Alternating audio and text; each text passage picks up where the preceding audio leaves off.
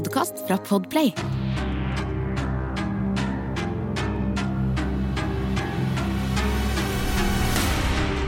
Hei dere, og velkommen til Forsyningsfredag podcast. I denne ukens episode skal jeg ta for meg en sak som kan være veldig forvirrende og skremmende for enkelte lyttere.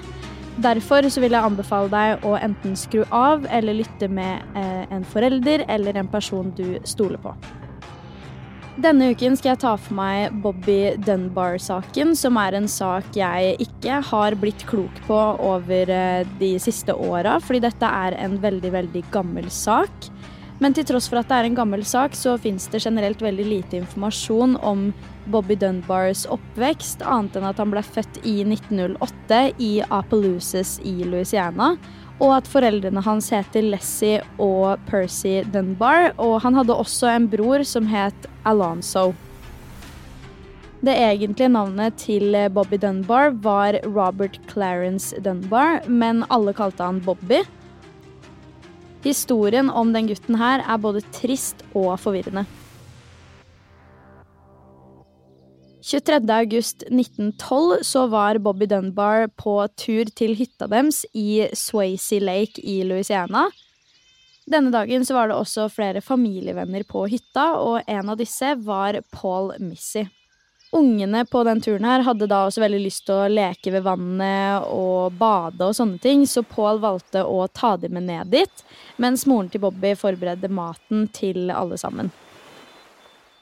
Enkelte kilder sier faktisk at Paul og Bobby hadde et veldig nært forhold, og at Paul brukte kallenavnet Heavy for Bobby, eh, og at det var liksom ment som en morsom ting, da. På veien ned til vannet så forteller også Paul at han hadde Alonso, nemlig broren til Bobby, på skuldrene, og så gikk Bobby litt i forveien, så drev de og prata på veien ned.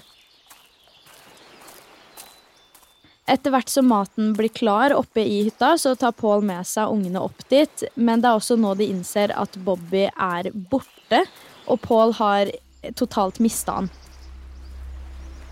Naturligvis så starter jo det her en panikk hos både foreldre, vennepar og de andre barna. Og de alle sammen løper nå rundt for å prøve å finne fire år gamle Bobby. En veldig interessant detalj i den saken her er at faren til Bobby tidligere på dagen hadde sagt at han var nødt til å stikke fra hytta for å dra på jobb, og så kom han tilbake senere på dagen.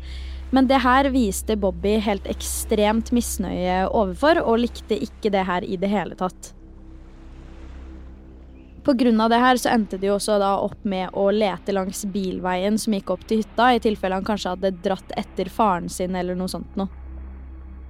Etter en god stund med leting så innser de at de rett og slett ikke har kjangs til å finne han i området de befinner seg i nå, så de er nødt til å ringe til politiet, som da etter hvert begynner et stort søk som eh, brer seg da utover hele staten Louisiana, men selvfølgelig hovedsakelig i området hvor Bobby sist ble sett.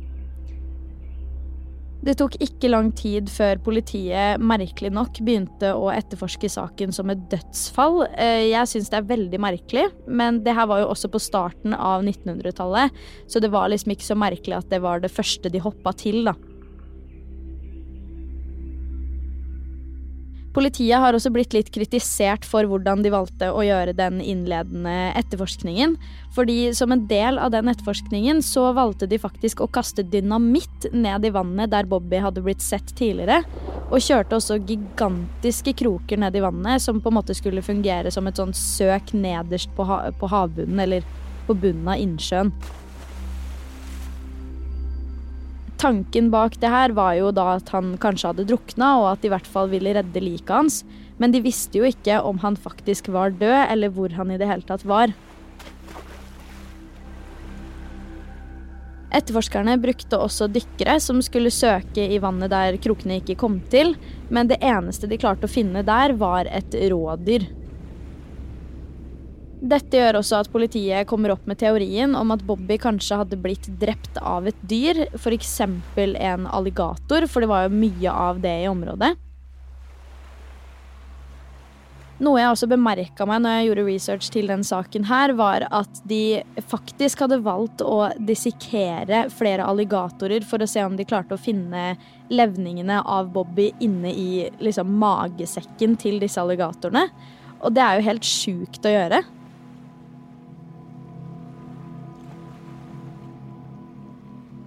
Etter hvert blir jo også flere av de besøkende på hytta nødt til å dra hjem eh, for jobb og andre forpliktelser. Mens andre velger å bli igjen på hytta for å lete, inklusiv Paul Missy, som var den siste personen til å se Bobby i live.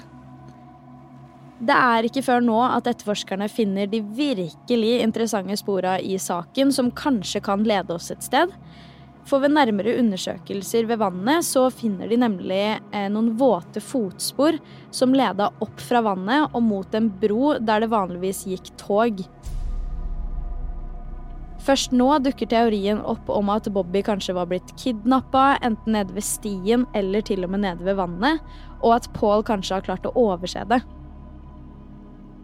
Etterforskerne utvida også søket sitt til New Orleans bare noen dager etter forsvinningen, og det er også rundt dette tidspunktet at hjembyen til Dunbar-familien begynner å samle inn penger, sånn at de kan utlove en dusør til den eller de som klarer å få Bobby tilbake i live.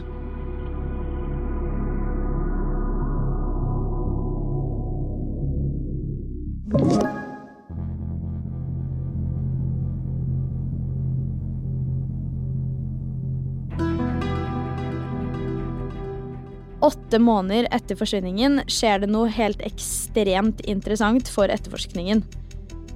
Snekkeren William Cantwell Walters blir nå observert i Mississippi sammen med en liten gutt som passa beskrivelsen av Bobby helt perfekt. William ble naturligvis tatt inn til avhør, men påstår her at den lille gutten er sønnen til en dame som heter Julia Anderson, og at guttungen heter Charles Bruce Anderson. I det første avhøret forklarer William at Julia hadde jobba for familien hans, og at eh, hun hadde gitt foreldreretten over til William. Julia Anderson har faktisk også bekrefta det her senere, men uavhengig av det her så blir Dunbar-familien sendt til Mississippi i et forsøk på å klare å identifisere barnet. Men her er det også spredning i hva ulike kilder sier om det første møtet mellom den antatte Bobby og moren hans Lessie. Noen kilder forteller at Bobby hadde ropt 'mamma' med en gang han så Lessie, og at moren var sikker ved første sekund på at dette virkelig var sønnen hennes. Andre kilder forteller imidlertid at Lessie hadde vært skikkelig usikker på om det her egentlig var sønnen hennes i det hele tatt. Hun hadde angivelig sagt at øynene hans var for små, og at det dermed ikke kunne være han. Eh, og flere rundt ble også usikre da guttungen ikke reagerte på kallenavnet Bobby. Det er også ulike versjoner av eh, hvordan det første møtet mellom Alonso og denne lille gutten var. Enkelte kilder forteller nemlig at den lille gutten kjente igjen Alonso med en gang, brukte fullt navn og alt mulig, mens andre kilder forteller at gutten ikke viste noe som helst tegn til at han i det hele tatt visste hvem Alonso var. Lessie Dunbar spurte da om å få møte han igjen dagen etter, og det fikk hun lov til. Denne gangen fikk hun merkelig nok muligheten til å gi han et bad også, og det er nå hun virkelig blir sikker på at det her er sønnen hennes. Gutten politiet hadde funnet, hadde nemlig noen føflekker og arr på akkurat samme steder som Bobby hadde, og for Lessie var det nå null tvil om at hun hadde funnet riktig gutt. Guttungen blir da tatt med hjem til Apaloosis, og velkomsten der er enorm. Grunnen til at denne overgangen var på en måte så lett som det, var rett og slett fordi Julia Anderson var alene og ikke hadde penger til å betale for en advokat, så hun hadde ingenting å forsvare seg med. Og dermed fikk Dunbar-familien ta med det de tenkte var sønnen sin, tilbake, selv om det i bunn og grunn bare er ord mot ord på det punktet her, og ingen håndfaste bevis. Senere så blir faktisk Julia sendt til Appaloosis for å få lov til å identifisere gutten, men hun hadde litt andre forutsetninger da hun kom til stedet. Rett og slett fordi at jeg nevnte jo tidligere at hun hadde sagt fra seg foreldreretten og gitt den over til William. Og det var da 15 måneder siden på dette tidspunktet, eh, så hun måtte på en måte identifisere og bekrefte eller avkrefte om dette var sønnen hennes eller ikke. Som jeg også nevnte, så var jo velkomsten guttungen fikk i Appaloosas enorm, og det var nærmest en folkefest da han kom dit. Mens da Julia ankom, så hadde også gutten fått både sykkel og en ponni av Lessie og Percy. Hvorfor han fikk det, er jo uvisst og kan selvfølgelig ha flere årsaker. Men det er jo lettest å tenke at det var fordi det var lenge siden de hadde sett han, og at de var glade for å få han tilbake.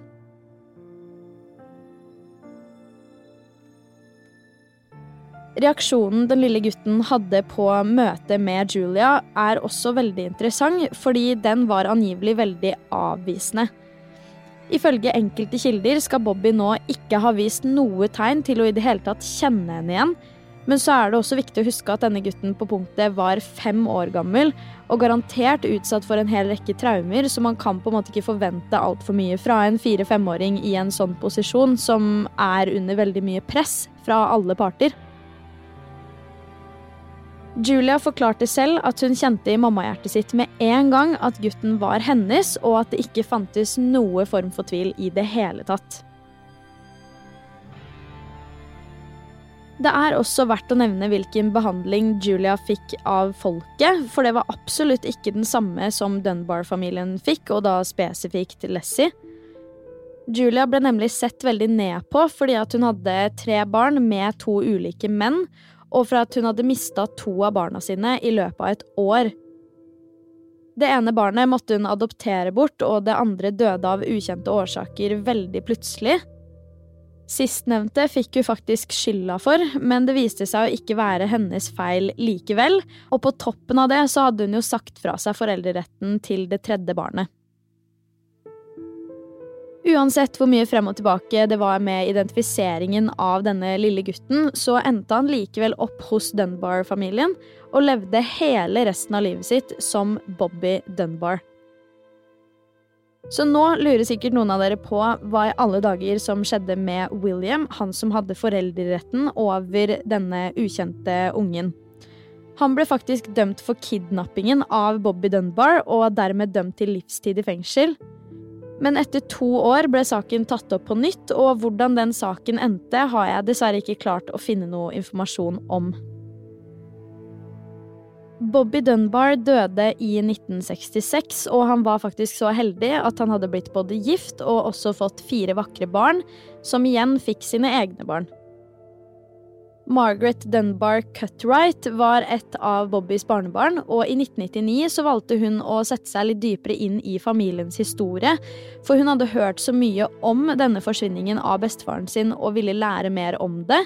Og det sies faktisk også at barndommen hennes var mye preget av at hun var så nysgjerrig rundt det, og fikk da sin egen mor til å forklare hva som hadde skjedd og sånne ting.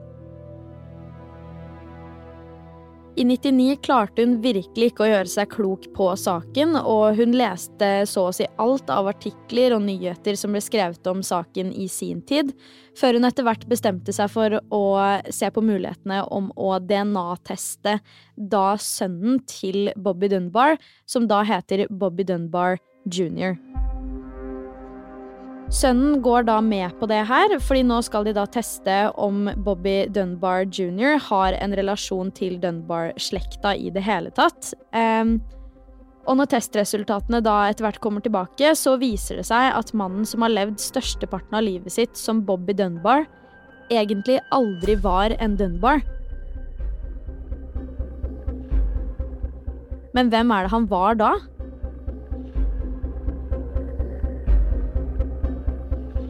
Det ble aldri gjort en DNA-test for å sjekke om han var en Anderson heller, og jeg personlig håper jo at det er noe de ønsker å gjøre, men foreløpig så forblir identiteten til denne gutten en gåte.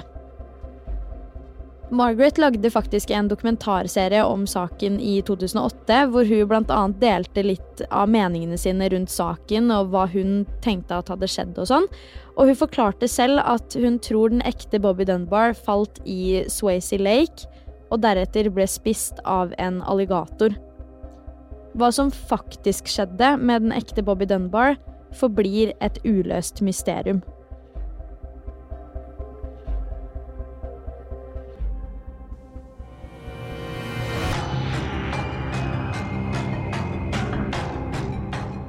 Du har hørt Forsyningsfredag podcast med meg, Sara Høydahl. Og dersom du har lyst til å høre om flere true crime-saker, så kan du sjekke ut YouTube-kanalen min under samme navn som meg sjæl. Uansett så kommer det en ny Forsyningsfredag podcast-episode allerede neste uke. Og i mellomtiden, ta vare på deg selv. Du har hørt en podkast fra Podplay. En enklere måte å høre podkast på. Last ned appen Podplay eller se podplay.no.